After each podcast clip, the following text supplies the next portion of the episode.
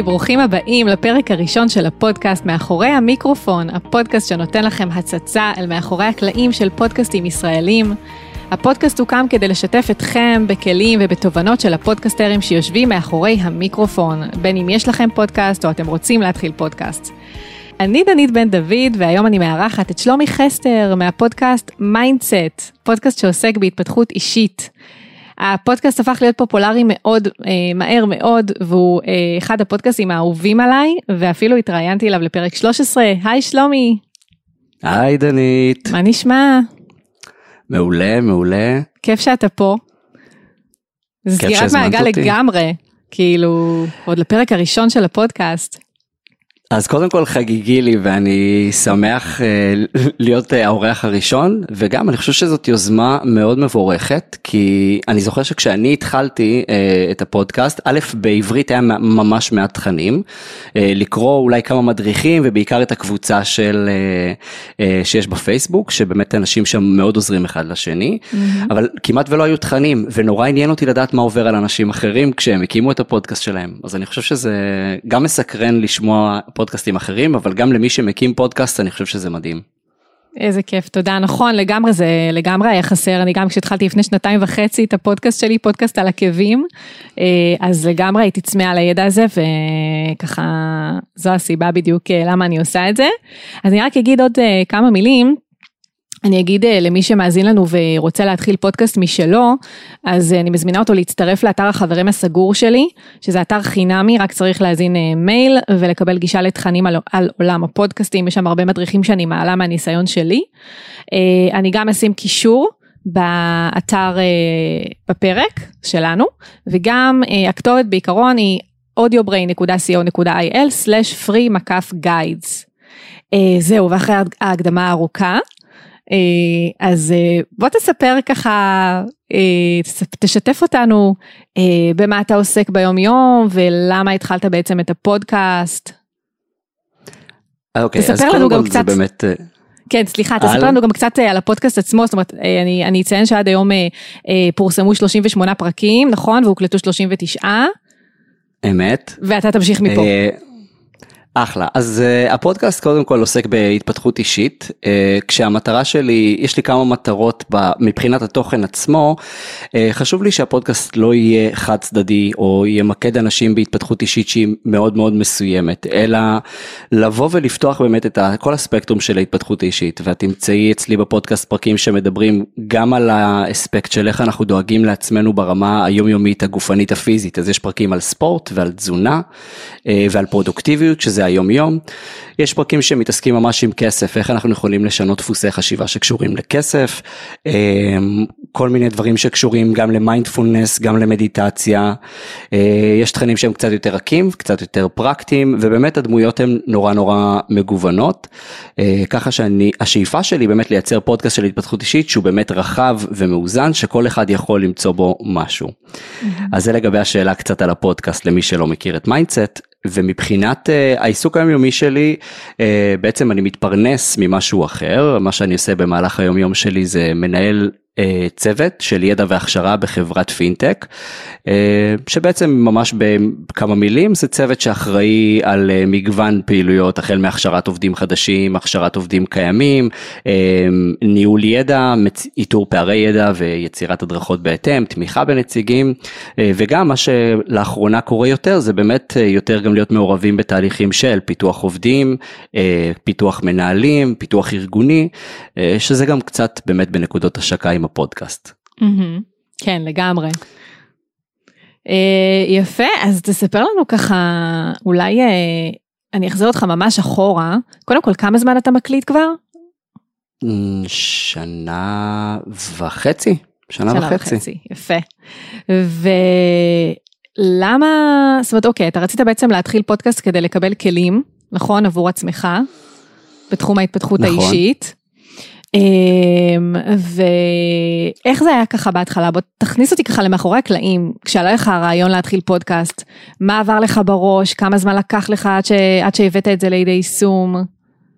אוקיי, אז שאלות טובות כולן. אז אה, קודם כל אני רציתי גם לקבל כלים, אבל החלום האמיתי שלי היה להפיץ תכנים שאני יצא לי לצרוך אותם גם לפני, mm-hmm. שאני מכיר אותם קצת אבל לא מספיק כדי להיות מומחה בהם, להביא את מי שאני חושב שהוא מומחה בארץ, כדי שאני אוכל לנהל איתו שיחה על זה וגם ללמוד יותר, אבל בעיקר לשתף ולהפיץ את הידע הזה עם אחרים, שזה באמת אחת המטרות.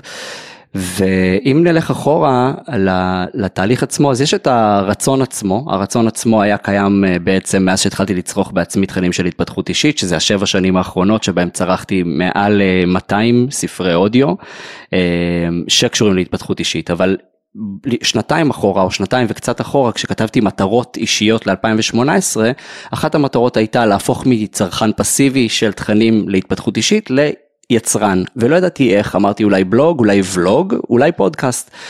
ובאיזשהו שלב כתבתי את המטרה הזאת וזרקתי אותה ככה לתוך הקובץ אקסל שבו אני כותב את המטרות וכשעברתי על המטרות שלי באמצע 2018 ונזכרתי בזאתי אמרתי טוב שלומי אתה חייב לעשות עם זה משהו.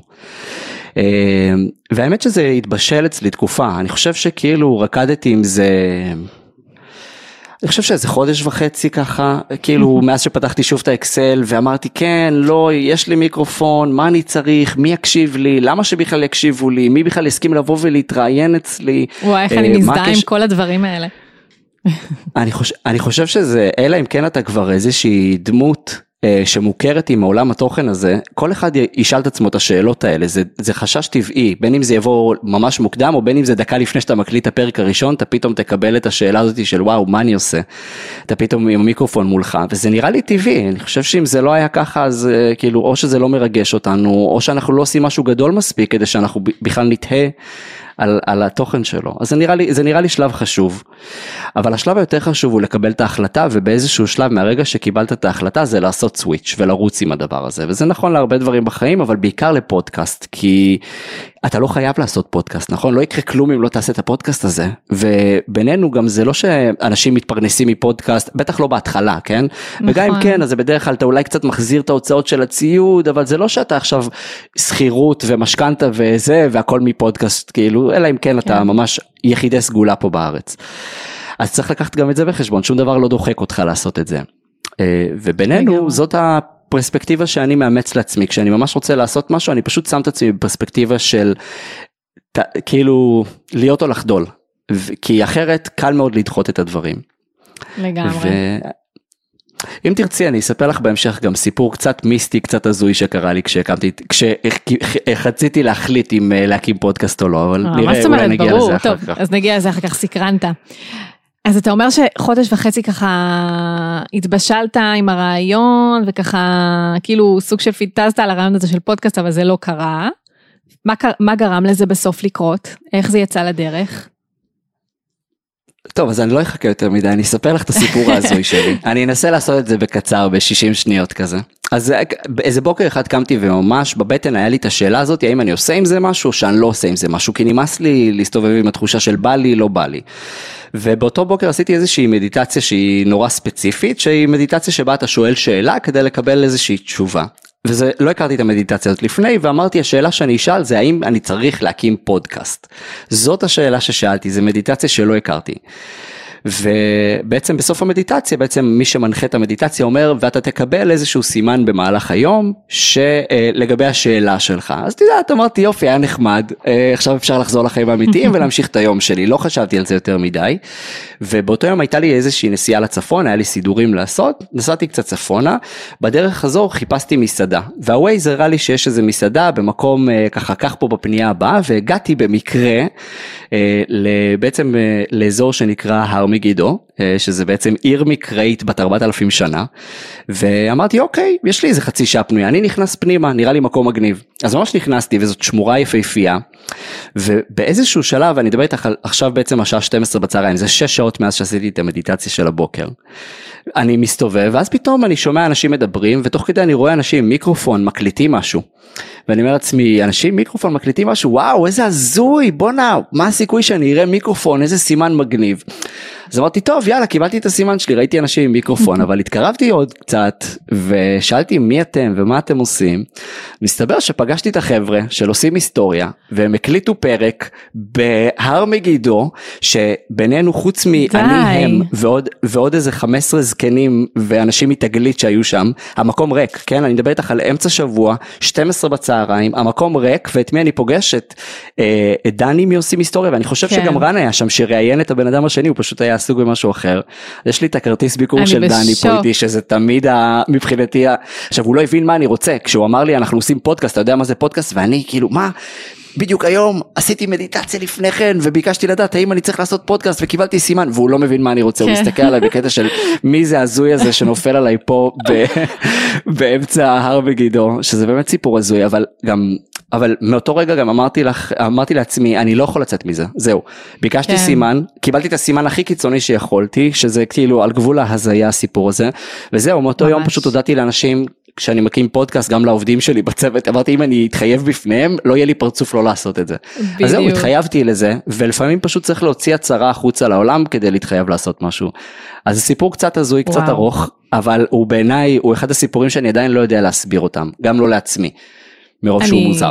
אני בהלם שכאילו כמעט איכשהו פסחנו עליו, אמרת אם יישאר זמן בסוף נגיע אליו, אבל מה פתאום זה וואו זה מטורף. כי הוא סיפור קצת מוזר, הוא סיפור מוזר, כאילו מה המדיטציה וביקשת לדעת ואת מי אתה פוגע, סיפור מוזר. כן, אני אבל... בעצמי לא יודע איך להסביר אותו לעצמי. מטורף, ממש, אז כנראה שזה באמת אה, סימן משמיים. ונתת פה טיפ מאוד חשוב, אה, שזה באמת אה, פשוט בסוף, כמו שאמרת, להיות או לחדול, פשוט צריך לצאת לדרך. זה גם טיפ שאני נותנת להרבה אנשים שרוצים להתחיל ודוחים את זה. פשוט לצאת לדרך, להתחיל, כאילו קודם כל תקליטו, ואחר כך תתמודדו עם כל השאר, אחר כך תבדקו את כל העניינים הטכניים והלוגיסטיים של איך מעלים ומה עושים ואיך לבחור שם ואיך לבחור לוגו ואיך לעשות הכל. קודם כל פשוט תקנו את הציוד או תשתמשו אם יש לכם בבית, פשוט תקליטו. אז uh, לגמרי. אז בוא תגיד לי כן, ככה איך... אה, צודקת. איך uh, ככה זה, אוקיי, אז הגעת להבנה ש... שזהו, זה הולך לקרות. אה, ועוד משהו, נכון, אמרת לגבי ההתחייבות, לצאת עם זה בפומבי. אז זה עוד משהו שבאמת חשוב לעשות. אני גם עשיתי את זה, אני עשיתי את זה בצורה קצת שונה, פשוט כתבתי בפייסבוק פוסט ו... וקיבלתי המון תגובות והמון לייקים, ואז הבנתי שזה יהיה ממש פדיחה אם אני אחזור בי. אז... אה, לגמרי. כן, אז אה, זה דרך מעולה גם להתחייב בפני העובדים אה, בעבודה. זה אחלה דרך. אז, אז אוקיי, אז תשתף אותי ברגע שהתחייבת. מה קרה אחר כך? מתי התחלת להקליט את הפרק הראשון? מאיפה הציוד אני, זאת אומרת הציוד עצמו, אני, אני זוכרת שבאתי להקליט אצלך את, להתראיין לפרק, לפרק 13 שהתראיינתי, זה היה במקום העבודה שלך, אז תשתף אותנו ככה מה קרה. אז אז אספתי ציוד מכל מקום, אז מחשב אה, להקלטות היה לי והיה לי אה, כרטיס קול, אה, מיקרופונים, השתמשתי בהתחלה במיקרופונים של העבודה, אחרי זה קניתי mm-hmm. גם מיקרופונים משלי, mm-hmm. אה, כשהמטרה שלי הייתה פשוט לרוץ עם זה רגע, כאילו בוא תשתמש במשאבים שקיימים אה, וזמינים לך, בוא לא ננסה להפוך את זה למשהו שעכשיו דורש איזה setup מטורף ונתחיל להקליט, אה, וגם השתדלתי שמהרגע שקיבלתי את ההחלטה לרוץ עם זה עד הרגע שאני מקליט לא יעבור יותר מדי זמן. כי בתכלס מה אתה צריך בשביל פודקאסט? אינטרנט ומיקרופון. כאילו זהו. ברור שצריך לתכנן וברור שצריך קצת ציוד נורמלי וכאלה אבל בתכלס זה מה שאתה צריך. אז כאילו המטרה שלי הייתה לבוא ולגרום לאיזשהו מיני פיילוט לקרות. mm-hmm. זהו. התחלתי למפות אנשים שאני מכיר שאני יודע שאני אוכל להגיע אליהם וש... אה, שגם ככל הנראה ירצו להשתתף אחרי זה גיליתי שמלא אנשים רוצים להשתתף שזה היה גילוי מרעיש אחרי שגיליתי אבל בהתחלה אמרתי טוב אני מפחד שמלא אנשים יגידו לי לא כי מי אני אז בוא נתחיל ממי שאני מכיר. אז עשיתי איזושהי רשימה וגם הדברים האלה הסתדרו מהר מאוד פתאום אתה רואה איך אנשים כאילו א' אנשים חיברו לי אנשים אחרים שרציתי שמתאימים לאיזשהו משבצת מסוימת אה, ואנשים מהר מאוד הסכימו לבוא ולדבר על הדברים. אמ, אז כאילו פתאום אתה רואה שהדבר הזה יכול לרקום עור וגידים הרבה יותר מהר ממה שיכולתי לדמיין. אז זה, זה היה מאוד קל בסך הכל, אני לא בא להפוך את זה ל... כאילו יש את כל הקטע הטכני ואיך עורכים ואיך עושים, אז קודם כל לא נרתעתי מזה, וב' יש אנשים כמוך שלמי שהקטע הטכני מדאיג אותו, אז אפשר לרכוש את הדברים האלה, בסופו של דבר אה, לקחת את כל, בעצם את אומרת, אתם תדאגו לתוכן, אני אעזור לכם לארוז את הכל ולא להתעסק עם כל מה שאפשר להיתקע בגללו, אז את עוזרת לאנשים עם כל ההיבט הטכני, גם עם ההיבט הרעיוני והחשיבה מאחורי התוכן, אבל בגדול יש פתרונות לכל הדבר הזה, וזה מה, ש... וזה מה שמגניב. נכון, לגמרי. אה, אז באמת לגבי העניין של התוכן, איך, אה, איך ככה הלכת וחיפשת מרואיינים ומצאת את, ה, את התוכן שאיתו אתה רוצה בעצם, אה, או בו אתה יותר נכון רוצה להתרכז. איך עשית בעצם את התהליך הזה? זאת, ש... זאת שאלה טובה, כי, כי באמת מה שעשיתי בהתחלה זה פשוט היה רשימה. Mm-hmm. לקחתי רשימה של נושאים. אה, שעליהם אני רוצה לדבר. וידעתי שאני רוצה לדבר בפרקים הראשונים, היה לי איקס דברים שתכננתי לדבר עליהם, שבעיניי הם סוג של ה-DNA האמיתי של הפודקאסט. אה, ואמרתי עכשיו בוא נמצא אנשים שאני חושב שאו שהם מומחים בתחומם, אה, באמת בתחום, בנושא שאני רוצה לדבר, אבל גם שהזווית שלהם והגישה שהם מציגים היא זווית שלוקחת בחשבון את אה, דפוס החשיבה שבאמת מתחברים ומתממשקים לנושא של mindset. לדוגמה, רציתי לדבר על תזונה, אבל לא רציתי להביא תזונאית או תזונאי סטנדרטי, חיפשתי כזה או במקרה הזה כזאת, את הדס מדר, שיודעים גם לעשות את החיבור לדפוסי חשיבה.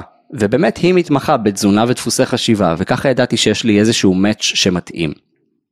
יפה, זאת אומרת דרך גוגל, פייסבוק, המלצות, איך הגעת לאנשים האלה? בטח את כולם, לא את אז... כולם הכרת מראש הרי. לא, ממש לא, ממש. הראשונים זה היה אה, שניים שהכרתי, אה, mm-hmm. אבי ירון שידעתי שהוא יכול להתאים לאיזשהו, לפרק הראשון בעצם, וניב שידעתי שהוא עשה מרתון של איש ברזל, אז ידעתי שאני אגיע אליו. אה, ואת היתר, אז א', התחילו לחבר לי, וב', התחלתי לחפש, כמו שאת אומרת, באינטרנט, פייסבוק וכאלה, ופשוט ליצור קשר ישירות עם האנשים. אם זה דרך הפייסבוק, אם זה דרך וואטסאפ, אם הם משאירים את הוואטסאפ שלהם באתר שלהם, או מייל. אז mm-hmm. בגדול די ישיר. אוקיי. ואחלה אוקיי אז uh, יפה האמת היא זאת אומרת אהבתי מאוד את, ה... את זה שרצית אנשים מתחומים מסוימים אבל רצית תמיד איכשהו לחבר את זה לעניין הזה של ההתפתחות האישית ולא סתם לקחת מישהו שהוא מומחה בתחום מסוים כמו שאמרת תזונה או לא יודעת ספורט או מה שזה לא יהיה. אז uh, יפה אני חושב שזה איזון שצריך לשמור עליו לכל פודקאסט, הרי בסוף אתה רוצה לייצר איזשהו עולם תוכן, נכון. שיש לו איזשהו, שיש לו איזושהי, איזשהו פיל, איזשהו משהו שבסוף אה, לא משנה איפה אתה נופל אתה מרגיש שאתה בתוך איזשהו עולם שמתאים לעולם תוכן הזה. עכשיו ברור שאי אפשר לקלוע עם כל אורח ואי אפשר בכל פרק אה, להגיע לנקודה שדמיינת שהפרק הזה יוביל, אבל אני חושב שזה מאוד מאוד חשוב כי אני בטוח שאת מדברת גם על עקביות. עקביות יש לה כמה צדדים, עקביות גם בעקביות של עד כמה הפרק שלך מובנה בצורה שהיא דומה, כדי שהמאזינים יודעים אה, איך, אה, איך הפרק מתחיל ואיך הוא נגמר, שזה נורא חשוב לשמוע על עקביות בתוכן, נכון. עקביות בתדירות, אבל בעיניי זה גם עקביות בפיל, זאת אומרת, היו לי כמה אורחים שידעתי שלגמרי, למרות שהם כאילו נחשבים ל... אה, לא יודע מה, מומחים גדולים בתחומם, ולא היה להם את הפיל של הפודקאסט, היה להם פיל אחר, שזה בסדר, אבל אה, אבל גם וגם מזה לומדים אבל אתה mm-hmm. אבל זה חשוב מאוד שהכל אה, יהיה ארוז בצורה שמרגישה אחידה. כן לגמרי מסכימה מאוד עם מה שאתה אומר. ואם כבר נגענו באמת בעניין הזה של אורחים שהם ככה פחות בפיל של הכללי של הפודקאסט אז יש לך איזשהו ראיון אה, שאתה ככה זוכר אותו במיוחד או איזשהו נניח, אה, יודעת אם לקרוא איזה פדיחה או משהו שככה זכור לך במיוחד מפרק שהקלטת?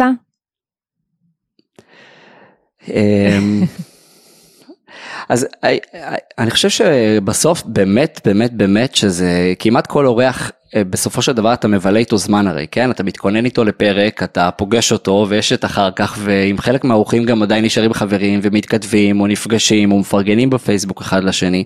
אז אנשים, יש חלק מהאנשים שממש נכנסים או ללב או לראש אה, במסרים שלהם. אני, אני אגיד לך את האמת, אחד הדברים שאני זוכר שבאמת בלטו לי, אם אנחנו כבר חושבים על זה, אז mm-hmm. באחד הפרקים הראשונים שלי ראיינתי מישהו שהוא בעצם היה יוצא יחידה קרבית מובחרת, יחידת שלדג, וממש באחד הפרקים הראשונים, ותוך, ואנחנו מדברים, והוא פתאום נזכר בשירות הצבאי שלו, והוא מספר, והפרק נגמר בזה שטוב, אנחנו מסיימים, ואני מלווה אותו לאוטו, ונותן לי חיבוק, ואומר לי, תקשיב, אתה לא מבין מה זה עשה לי לספר את הסיפור הזה פתאום. וכאילו אני זוכר שזאת הייתה הפעם הראשונה שסיימתי פרק בפודקאסט וממש אני אומר לעצמי בואנה פגשתי מישהו שלא הכרתי לפני שסיפר לי עכשיו על הדברים שהוא לא סיפר לאף אחד כולל ככל הנראה אולי לקרובים ביותר שלו mm-hmm. ונוצר פה איזשהו חיבור מדהים אז אני חושב שהיה לי הרבה חיבורים עם אורחים בפודקאסט אבל איתו היה בעצם אני חושב שזאת הייתה הפעם הראשונה שבעצם אמרתי וואו זה מישהו שאני לא מכיר ואנחנו מאוד מחוברים עכשיו. אז אני חושב שזה זה סיפור ככה... אה, שאני זוכר. שאתה זוכר. יפה. אמ, אוקיי, אה, מה עוד ככה רציתי לשאול? אה, רציתי יש... לשאול אותי על המטרות. נכון, האמת שנכון. אתה רואה איזה מהתרגשות, אתה יודע, אתה ככה הפרק הראשון. אז, אז uh, כן, אז ספר לנו ככה באמת מה המטרות של הפודקאסט וגם, uh, אתה יודע מה, יש עוד שאלה שככה באמת מסקרנת גם הרבה אנשים. קודם כל הרבה אנשים שואלים האם אפשר לעשות כסף מפודקאסטים.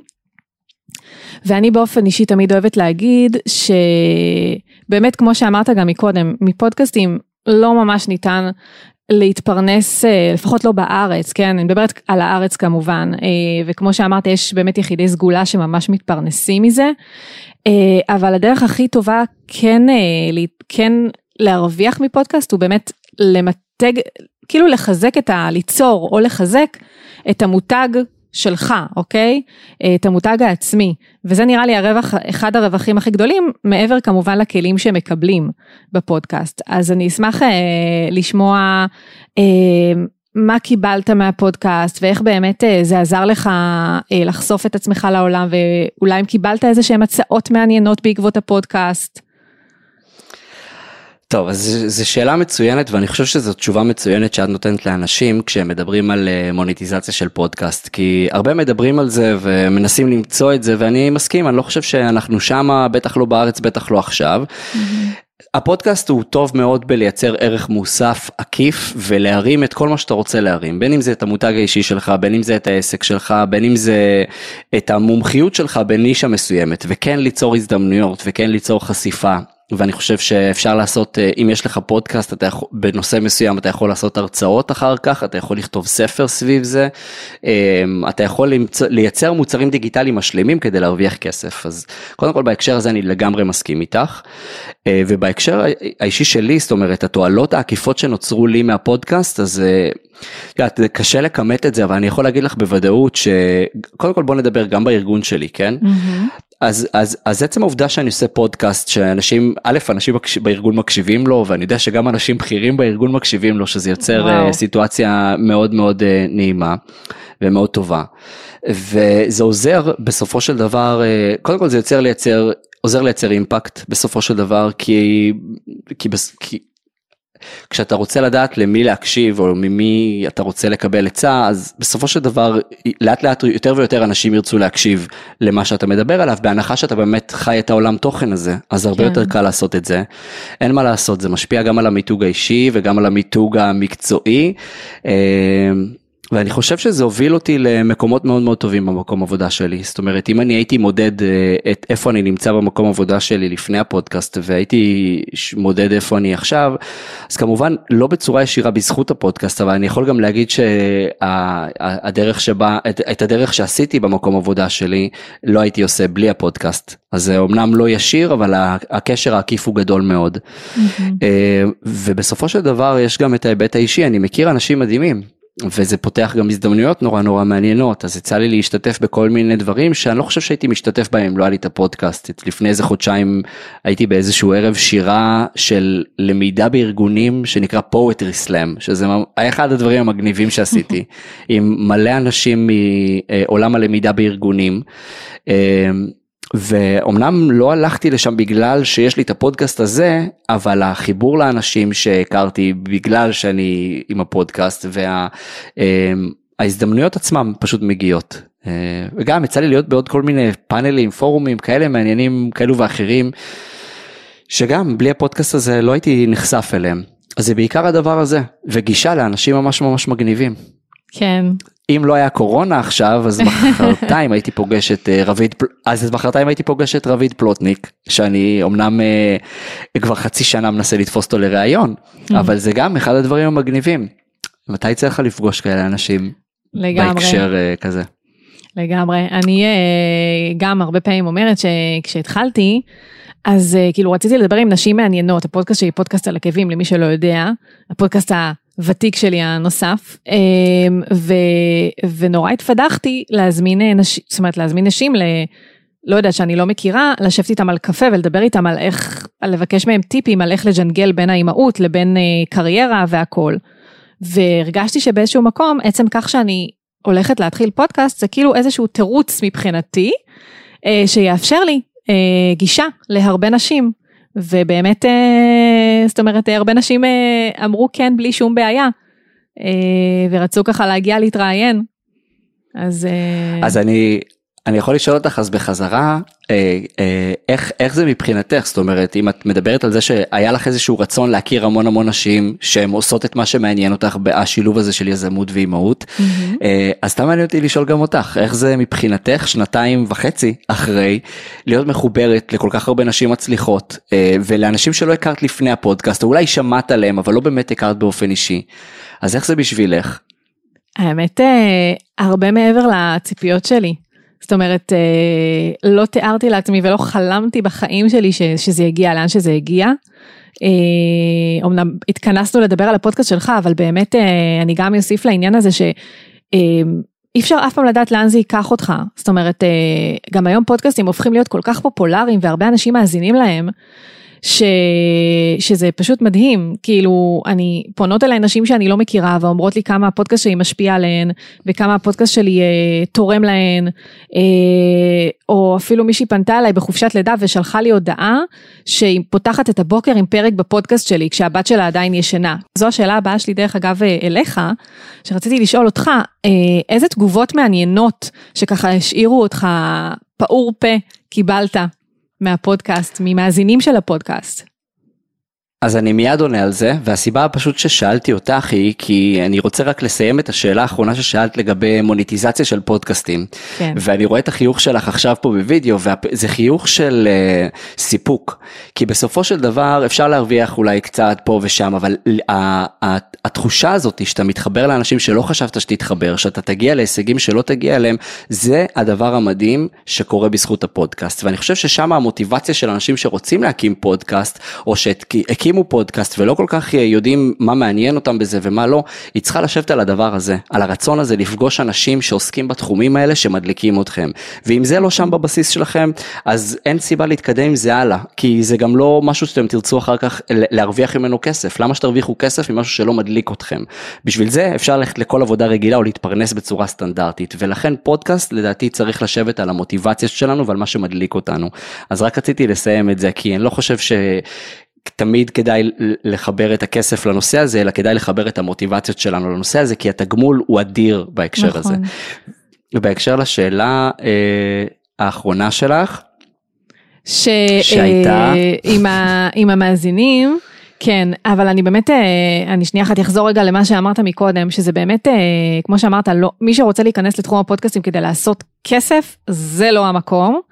ואני חושבת שצריך להתחיל פודקאסט, זאת אומרת, כל מי שרוצה להתחיל, הוא באמת צריך למצוא את, ה, את התשוקה שלו, את התשוקה, אה, הכוונה, אה, מה הנושאים שמעניינים אותו, ומעבר למה הנושאים, באמת לשבת שנייה ולחשוב האם זה משהו שזה נושא שאפשר ללכת ולהרחיב אותו, זאת אומרת אם זה נושא מאוד מאוד צר ואתה תלך ותיצור עליו שניים, שלושה, ארבעה, חמישה פרקים, אז כאילו ואז בעצם סיימת ואין לך על מה לדבר אז כאילו לא עשית בזה שום דבר וזה סתם יוריד. אז גם כשאתה בוחר את הנושא שלך אז תוודא שאתה בוחר נושא שהוא מספיק רחב ויש לך מספיק על מה לדבר או מספיק אה, אנשים מגוונים ומעניינים להזמין אה, להתראיין אצלך בפודקאסט. זה גם נראה לי נקודה נכון. חשובה. לגמרי, ואם זה פודקאסט יחיד, אז שאתה יכול לייצר מספיק פרקים סביב הנושא הזה, זה ממש נכון, נכון. כי גם כשסיפרתי לך על הרשימה שעשיתי בהתחלה, אז סיפרתי לך אולי על ההתחלה, אבל הרשימה, כבר מהפרקים הראשונים, היה לי שם 30-40 אנשים ברשימה, גם כשהייתי בפרק 3. אז גם עכשיו יש לי בערך עוד 60 נושאים ואנשים שאני רוצה להכניס, אז זה נורא חשוב, כאילו גם אם הנושא צר, שיהיה לך מספיק מה לדבר עליו. נכון. יפה, וואו, 60 אנשים, כן, גם אצלי יש איזושהי רשימה כזה שלי בנוט, אה, בנוטפד, זאת אומרת, אה, בטלפון הנייד, איזושהי רשימה, אני כל פעם מוסיפה עליה עוד מישהי שאני ככה רוצה לראיין, ואז כשאני צריכה לתאם ראיונות, אני חוזרת לרשימה ומתחילה ככה לפנות לנשים. זה חשוב, זה חשוב, זה חלק מלתכנן, אתה לא יכול אה, גם לצלול ולהגיד אוקיי אני אעשה פרק אחד ונראה מה יהיה, זה לא עובד ככה, אני כן נכון. בעד יאללה תתקדם ותעשה את זה, אבל אי אפשר בלי לתכנן בכלל. זאת אומרת, נכון. זה איזון בין תכנון לבין עשייה, אבל אי אפשר בלי לתכנן. נכון. Uh, לגבי השאלה uh, שלך דברים שקרו לי, אנשים שפנו אליי. Mm-hmm. אז... אה, סליחה, כן, דבר. אנשים שפנו אליי, אז קודם כל, בהתחלה לא פונים. זאת אומרת, אני זוכר שהשקתי את הפודקאסט וזה כזה מין משהו, לזרוק משהו לחלל כזה. וגם הכמות ההאזנות, אתה רואה שזה כאילו, אתה, אוי עברתי 100 האזנות ראשונות, ואז בפרק השני עברתי 100 האזנות אחרי יום, וזה גדל, גדל, גדל, גדל, גדל, אבל לוקח גם זמן עד שאנשים יוצרים קשר, גם בהתחלה לא היה אתר, ואני גם לא כזה בן אדם שהוא ברשתות חברתיות, אז זה לא שהתחברו אליי, או גם לא קידמתי את זה של בואו תתחברו. אבל מאיזשהו שלב התחילו להגיע כל מיני פניות, ואז הגיע גם הבול, כאילו הייתי ממש על בסיס לדעתי כמעט יומי מקבל איזושהי וואו שלומי אחלה פודקאסט אוהב נהנה נהנית שומע שומעת. אה, רוב, רוב, ורוב הפניות הן בסך הכל אותו דבר וקודם כל כולן משמחות ומרגשות בצורה יוצאת דופן אבל היו שני אנשים שגם כששאלת אותי את השאלה שניהם קפצו לי ישר לראש שגרמו לי להגיד אוקיי לא משנה כאילו הם הספיקו לי כדי לעשות את הפודקאסט הזה אז אחד מהם זה מישהו שסיפר לי שהוא היה בדיכאון ושהוא התחיל ללכת לאיזשהו טיפול והוא אומר לי שהמטפלת המליצה לו לשמוע פודקאסטים אה, שיכולים לעזור לו. ובאיזשהו שלב הוא אומר שהוא שמע את אחד הפרקים אצלי, שפרק עם איתן עזריה שנקרא נולדנו אלופים, שזה באמת פרק מאוד מוצלח. והוא שמע את הפרק והוא אומר ותוך כדי כשאני שומע אתכם מדברים בפרק הרגשתי שנדלק לי האור מבפנים ופשוט שמעתי את הפרק הזה שוב ושוב ומאותו יום הרגשתי את עצמי מתחיל להשתפר ומתחיל לחפש uh, את הפוקוס שלי ומתחיל למצוא את המקום שלי. וככה אולי אני אומר את זה במילים שלי אבל כאילו אני זוכר שקראתי את ההודעה ממנו הוא כזה נראה לי פנה אליי באינסטגרם קראתי את ההודעה ממנו ואני זוכר שבאיזשהו שלב אני כאילו מתרגש בקטע של את יודעת מכירה את זה שעולה לך כזה כן. ואתה אומר בואנה לא מאמין שכאילו תמיד אני מדמיין את האנשים שאולי לוקחים איזה טיפ וכאילו משפרים טיפה את האיכות חיים שלהם אתה לא חושב על האנשים שנמצאים לא בסיטואציה היומיומית כאילו זה לוקח זמן להבין מי בכלל שומע את הפודקאסט שלך ואיפה נגעת בו. אה, זה סיפור אחד וסיפור אחר על אני אולי לא אספר יותר מדי אני רק אספר על אולי על, אה, על אימא שסיפרה לי קצת על הילדה שלה שעברה איזושהי תקופה לא פשוטה. אה, והיא אומרת לי שבעקבות הפרקים שלי היא התחילה להבין שכאילו כדאי לה לעבוד עם הילדה גם על דברים כמו מיינדפולנס ומדיטציה. והיא אומרת שהיא התחילה לחקור את זה עוד יותר ואז היא התחילה לתרגל עם הילדה של המדיטציה ומיינדפולנס והיא אומרת שהילדה חזרה בעצם להתנהלות יומיומית סטנדרטית והיא אומרת כאילו והיא שולחת לי ותודה רבה לך על זה ושהבאת לי את התכנים האלה שנתת לי את הרעיונות האלה ואני כזה נחנק וואו. תוך כדי שאני קורא את האימייל הזה אתה אומר לעצמך טוב כאילו. אחלה, מספיק, גם אם שני האנשים מאזינים לי לפודקאסט ואלה שני האנשים שהצלחתי לגעת בהם ולעשות טוב בעולם הזה, תודה, להתראות, כן. עשיתי את שלי. אין מדהים. דבר יותר טוב מהדבר הזה. אה, אז אלה, אלה תגובות ש... שהן באמת גם, כן, הן באמת לוקחות אותי למקום הזה של כאילו וואו, כאילו לא רק למקום של וואו, אנשים לומדים ואנשים מפרגנים, שזה כיף, ש... שלא יישמע שאני לא נהנה מזה או מעריך את זה. פשוט אומר, יש מקומות שבאמת מגיעים לך עמוק פנימה, ואתה מבין שאתה עושה משהו טוב גם לאנשים אחרים, שזה פרייסלס. לגמרי, לגמרי, שזה באמת אמרת משהו מאוד חשוב מקודם, שבהתחלה לא מקבלים תגובות ולא תקבלו כנראה תגובות, אלא אם כן יש לכם מראש איזושהי קהילה גדולה, שגם ככה עוקבת אחריכם, אבל uh, כאילו תאמינו בדרך שלכם, ותהנו ממה שאתם עושים, והתגובות, uh, הפידבקים בסוף יגיעו. ממש מתחברת טוב, לזה. לגמרי. באופן כללי, זה, פה, כאילו להקים פודקאסט זה תרגיל בסבלנות. אה, באמת, זה באמת תרגיל בסבלנות ובאורך רוח, כי כמו שאמרת, אם אין לך קהילה גדולה, אבל אני מדבר איתך על קהילה ענקית, לא גדולה אלפיים איש, ענקית, כי גם אם מישהו רגיל לקרוא אותך בבלוג, הוא אולי הוא לא צרכן פודקאסט, זה, זה, יש נכון. חפיפה נורא בעייתית, אולי אנשים אוהבים לראות אותך ביוטיוב או לקרוא אותך בפייסבוק, אבל הם לא אוהבים להאזין לפודקאסטים, אז לא תמיד קל למצוא את ההלימה הזאת בין הקהל לבין אנשים שאוהבים להאזין לפודקאסטים לבין הדרך שבה אתה מגיש את הפודקאסט, אז נכון. זה גם לא תמיד ערובה לכך שהפודקאסט יגדל, למרות שזה אחלה התחלה, אחלה נכון, התחלה. נכון, נקודה אבל חשובה. סבלנות, כן, סבלנות. סבלנות אני, ועקביות. באופן לגמרי, אני גם בהתחלה אמרתי לעצמי, אני לא מתכנן, אה, אני כאילו כל מה שחשוב לי, למרות שכולם מסתכלים על מספרים ולייקים, אבל כל מה שחשוב לי בהתחלה זה להקליט עשר פרקים. לא אכפת לי כמה אנשים יאזינו להם. זה עזר לי פשוט לא להתייאש מזה שהמספרים לא עולים בהתחלה, כי הם לא עולים בהתחלה. שוב, נכון. אם אתה בן אדם רגיל, מה שנקרא. גם וגם מאוד תלוי בקהל היעד, כן? אם אה, הקהל היעד הוא אה, נניח אה, אנשי הייטק שכל מאזינים, אה, הרי בעבר הרבה מהמאזינים לפודקאסטים, א' היו גברים, ב' הם אה, אנשי הייטק. ו... ונכון להיום זה כבר משתנה, קודם כל הרבה יותר נשים, למשל אני שנייה אקח את זה למקום של הפודקאסט שלי, הרבה יותר נשים מאזינות לפודקאסטים, אבל כשאני התחלתי את הפודקאסט שלי, לפני שנתיים וחצי, הייתי צריכה להתחיל להסביר לנשים בכלל מה זה פודקאסט. והעניין הזה של הייאוש, אה, מה שבאמת עזר לי, א', זה באמת התשוקה שלי להמשיך ולדבר עם נשים, אה, וב', כי הייתה לי הרגשה שזה ישתנה מתישהו, אבל אה, גם גודל קהל היעד הוא גם חשוב. זאת אומרת, לשים אותו בפרופורציות ולהבין שלא על ההתחלה תגיעו לכמה אלפי או עשרות אלפי האזנות.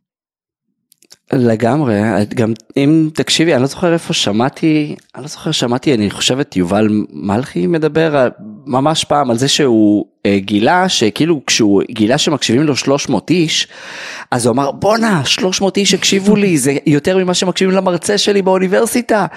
והתחלתי אה. לשים את זה בפרופורציה, אמרתי לעצמי בואנה איזה אחלה של גישה, כאילו וואו, אם הייתה לי כיתה של 100 אנשים, 100 אנשים שמקשיבים לי בכל פעם מדבר עם מישהו, איזה כבוד. אז הכיתה הזאת לא מתרחשת בזמן אחד או במקום אחד, ובדרך כלל אנשים או רצים או אה, בנסיעות בזמן שהם מקשיבים לפודקאסט, אבל עדיין תחשבו על זה ככה, ואז פתאום המספרים מקבלים פרופורציה אחרת. באיזשהו שלב כשהתחלתי אה, למלא קיסריה, אז, אז א' זה נהיה נורא מלחיץ. מאוד. אה, כי אתה פתאום קולט, וואו, זה כמות אנשים ענקית שמקשיבה לי.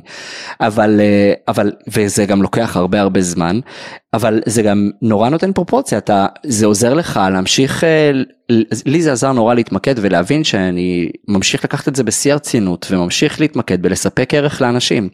אבל זה קורה, זה צריך לקרות החל מהרגע הראשון, גם כשיש לך 100 אנשים שמקשיבים לפודקאסט שלך, שזה כמות מכובדת בפני עצמה, צריך לדמיין את זה ככה, מה היה קורה אם היה מולי עכשיו 100 אנשים ולהם הייתי מעביר את התוכן הזה. נכון. וואי, זה אחלה טיפ, זה אהבתי, אהבתי ממש. יפה.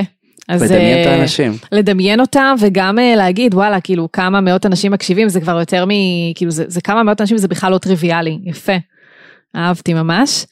אמ, ולפני סיום, לפני שככה אני אגיע לשאלה האחרונה, יש לי עוד משהו שהייתי רוצה לדעת, אה, כי אתה אומר באמת שהרבה אנשים פונים אליך, אה, אתה נמצא, יש לך איזושהי פלטפורמה שאתה בקשר עם המאזינים שלך באיזושהי צורה, או שבגדול אתה מקבל רק תגובות?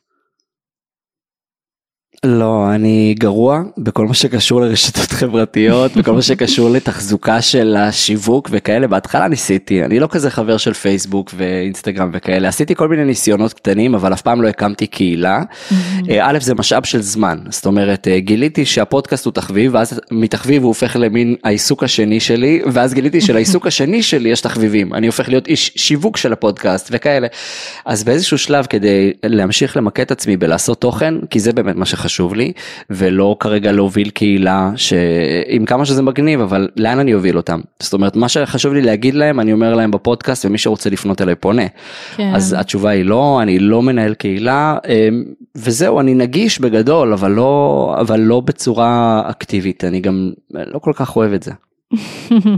אוקיי. לא, אם להיות, אם להיות אמיתי, זה דורש המון המון נכון, נכון, קשב. וכאילו, ואני חושב שמודעות עצמית חשובה, ואתה חשוב, חשוב שתכיר את המשאבים שלך. אם זה היה העסק שלי, ותוך כדי הייתי מקדם את העסק, ברור שהייתי לוקח את זה לנקסט לבל בכל היבט. Mm-hmm. אבל בגלל שזה לא, אז, אז אני שואל את עצמי מה באמת חשוב לי בכל הסיפור הזה, איפה אני הכי הרבה מביא ערך, וש, ושם אני מביא הכי הרבה ערך, בלייצר פרקים ותוכן.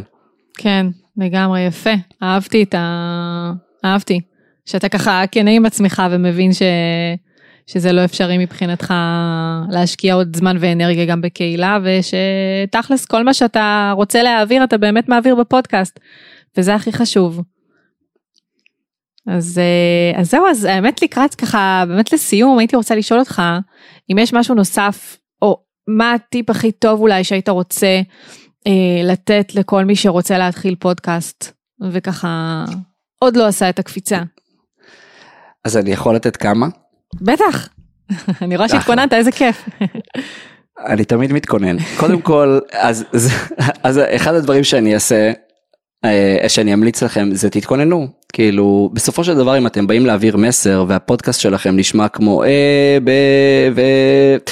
ו- והוא לא קוהרנטי והוא לא עקבי, אז אלא אם כן אתם המאלתרים הכי טובים בעולם, המאזינים יאבדו אתכם. אז קודם כל להתכונן, להתכונן א' לכל פרק, אה, זה נראה לי חשוב, בין אם זה פודקאסט ראיונות ובין אם לא. אז לעשות את הדבר הזה, אני מתחקר את, ה... כאילו אני חוקר על האורחים שלי, על עולם התוכן שלהם, אני מכין לעצמי הערות, אני מחפש ציטוטים שיכולים להיות רלוונטיים לתכנים שהם הולכים לדבר עליהם, שאני יודע שאני נורא אוהב, או דברים שאני שמעתי או למדתי בעבר שמתחבר לזה. וזאת הדרך היחידה לייצר הפריה אמיתית ולא איזה משהו שהוא פסיבי, אלא להיות באמת engaged בתוך הדבר הזה. אז זה המלצה אחת. המלצה שנייה, זה משהו שאת אמרת, תתחילו. אל תחכו ליום מושלם, אין שום דבר, אין דבר כזה לחכות ליום המושלם, זה לא יקרה, ביר, אם הייתם, זאת אומרת אם אני הייתי מחכה עוד קצת, אני זוכר שכשאני הקמתי את הפודקאסט אשתי אמרה לי אולי עוד קצת, עוד כמה חודשים, עוד חצי שנה, עכשיו אני אמרתי לה תקשיבי כבר התחלתי אני בתוך זה אני רץ, אבל את יודעת מה קרה חצי שנה אחרי שאני הקמתי את הפודקאסט שלי? קמו בערך עוד 100 פודקאסט. לגמרי. אני כאילו הרגשתי שסגרתי את הדלת של הגל השני של הפודקסטרים ואז נכנס הגל המפולת ואת יודעת אני תוהה לעצמי האם הייתי מתחיל חצי שנה מאוחר יותר? אולי הייתי גם נבלע בתוך כל מיני פודקאסטים אחרים. זאת אומרת אחד הדברים שעזרו לפודקאסט שלי לבלוט אולי זה גם התזמון. מעבר לזה שהתוכן עצמו כנראה גורם לאנשים לשתף את זה כי אחרת זה לא גדל לבד. אבל עדיין יהיה הרבה יותר קשה לשים אליך לב מלכתחילה. אז גם התזמון אל תחכו כי אין לדעת גם מה יהיה עוד שנתיים. אולי עוד שנתיים יהיה שלושת אלפים פודקאסטים פעילים פה בארץ ואני לא חושב שזה מספר שהוא הזוי אני חושב שהוא מספר ריאלי. קל מאוד להקים פודקאסט. נכון. אז זה, זה דבר אחד תתחילו. דבר שני זה תוכנית. אז יש אנשים כמוך שיכולים לעזור לאנשים לבנות תוכנית והתוכנית צריכה לכלול לכלול שאלות נורא נורא בסיסיות כמו מה המטרה של הפודקאסט, מי קהל היעד שלו, מהם הפרקים שאני הולך לבנות סביבו, מה יהיה הפורמט של הפרק, כמה זמן כל פרק אה, ו- ו- וליצור מבנה. עכשיו לא צריך להמציא פה את הגלגל מחדש, אנשים כבר עשו את זה, הקימו המון פודקאסטים, אתם יכולים פשוט לשמוע את הפודקאסטים שאתם אוהבים או למצוא תוכנית באינטרנט או ללכת לדנית וללמוד ממנה מה השלבים שצריך לעשות, אבל יש המון המון דברים טכניים שקשורים לבניית התוכנית וצריך לעבוד עליהם. בסופו של דבר הצעדים להצלחה כמו בכל תחום בחיים הם אותם צעדים להצלחה ומי שיודע ללכת אחרי הצעדים האלה ככל הנראה יצליח לפחות במה שבשליטתו להגיע ליעד שלו. אז אלה הדברים האלה וגם אני חושב ששני דברים אחרונים זה לא להתמקד בלייקים ולא להתמקד במספר האזונות בהתחלה זה כל כך לא רלוונטי.